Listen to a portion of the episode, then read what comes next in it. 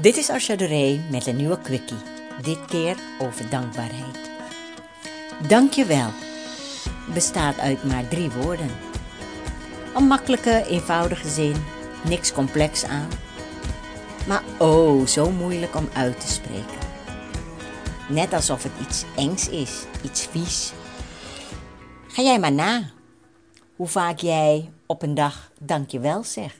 We zitten vaak zo op de automatische piloot van onszelf niet de waardering gunnen. Nee, bijvoorbeeld een, uh, als iemand tegen je zegt dat die shirt je goed staat. Dan steekt ons ego ineens weer de kop op om dat fijne gevoel te niet te doen. Herken je dat?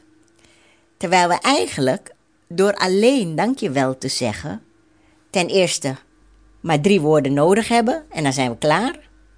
En ten tweede, het geeft je ook een goed gevoel over jezelf. Een, uh, een fijn gevoel om een compliment te krijgen. Maar nee, we maken het ons moeilijk, verspillen liever energie en heel veel zuurstof om van die ellenlange zinnen of uitvluchten te bedenken, uh, om dat compliment gewoon te niet te doen. Wat kan een mens toch ook moeilijk doen? En die ander, die denkt uiteindelijk: ik hou mijn complimenten voortaan voor mezelf. Ja, word jij weer uh, geïrriteerd dat je nooit een complimentje krijgt. Want zo gaat het. Velen van jullie die me kennen, weten dat ik een pittig jaar achter de rug heb. En als ik het even niet zag zitten, dan zei mijn dochter Naomi, en ze zegt het nog steeds tegen mij, als ik uh, af en toe een beetje down ben. Wees blij dat je mag ademhalen.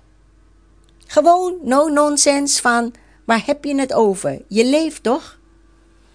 En inderdaad, de afgelopen maanden ben ik steeds meer en meer gaan waarderen dat ik er mag zijn dat ik mag ademhalen.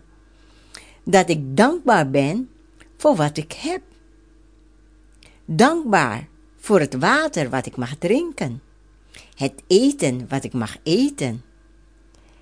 Het lijkt allemaal zo vanzelfsprekend om bijvoorbeeld gezonde lucht in te ademen. Maar dat is het niet. Alles houdt een keer op roofbouw en stress zijn niet alleen slecht voor je lichaam, maar ze zijn ook killing voor je bestaan. Ja, die pittige tijd, die heeft mij achteraf gezien ook veel goeds gebracht. Namelijk bewustwording voor mijn lichaam en mijn omgeving. Prioriteren wat belangrijk is en dat ook waarderen. Genieten van de simpele dingen in het leven, zoals mijn kopje thee, muntthee of gemberthee, met mijn blote voeten in het gras lopen. Ja, zelfs in de winter doe ik dat. En jezelf verwennen met een bosje bloemen. Heerlijk. Maar bovenal dankbaar voor mijn familie en vrienden die er voor me zijn. En in het bijzonder mijn gekke nichten en mijn zus, mijn kids en mijn lover. Dus hoezo nu met het coronavirus in quarantaine? Nee, die quarantaine, die heb ik al gehad, een jaar lang. Het is mijn comfortzone geworden, waarvan ik nu de vruchten mag plukken. Dus bekijk het ook van de positieve kant. En trouwens, jullie hebben maar heel kort. Uh, twee weken. Misschien dat het verlengd wordt met een maand. Maar ik zou me dus echt wel een haasten om die dankbaarheid te hamsteren.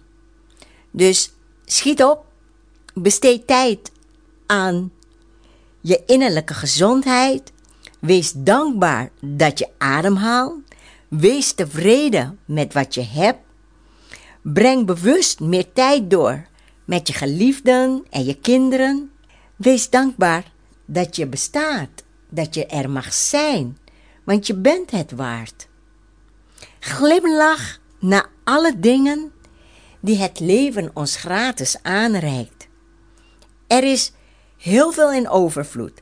De zon, de zee, regen, strand, bos en veel zuurstof.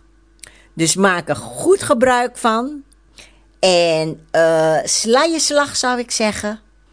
En wees vooral safe en sound. Dankjewel voor het luisteren. En ik wens jullie een mooi weekend. En till next week. Ciao. Hoop dat je weer voldoende brandstof hebt om het vuur in je aan te wakkeren. En heb je behoefte aan even iets sterks? Check out mijn coachingpagina en bestel één van de Powerhouse programma's. Zo voor nu, cheers en vergeet niet om deze podcast te delen als het je heeft kunnen opladen.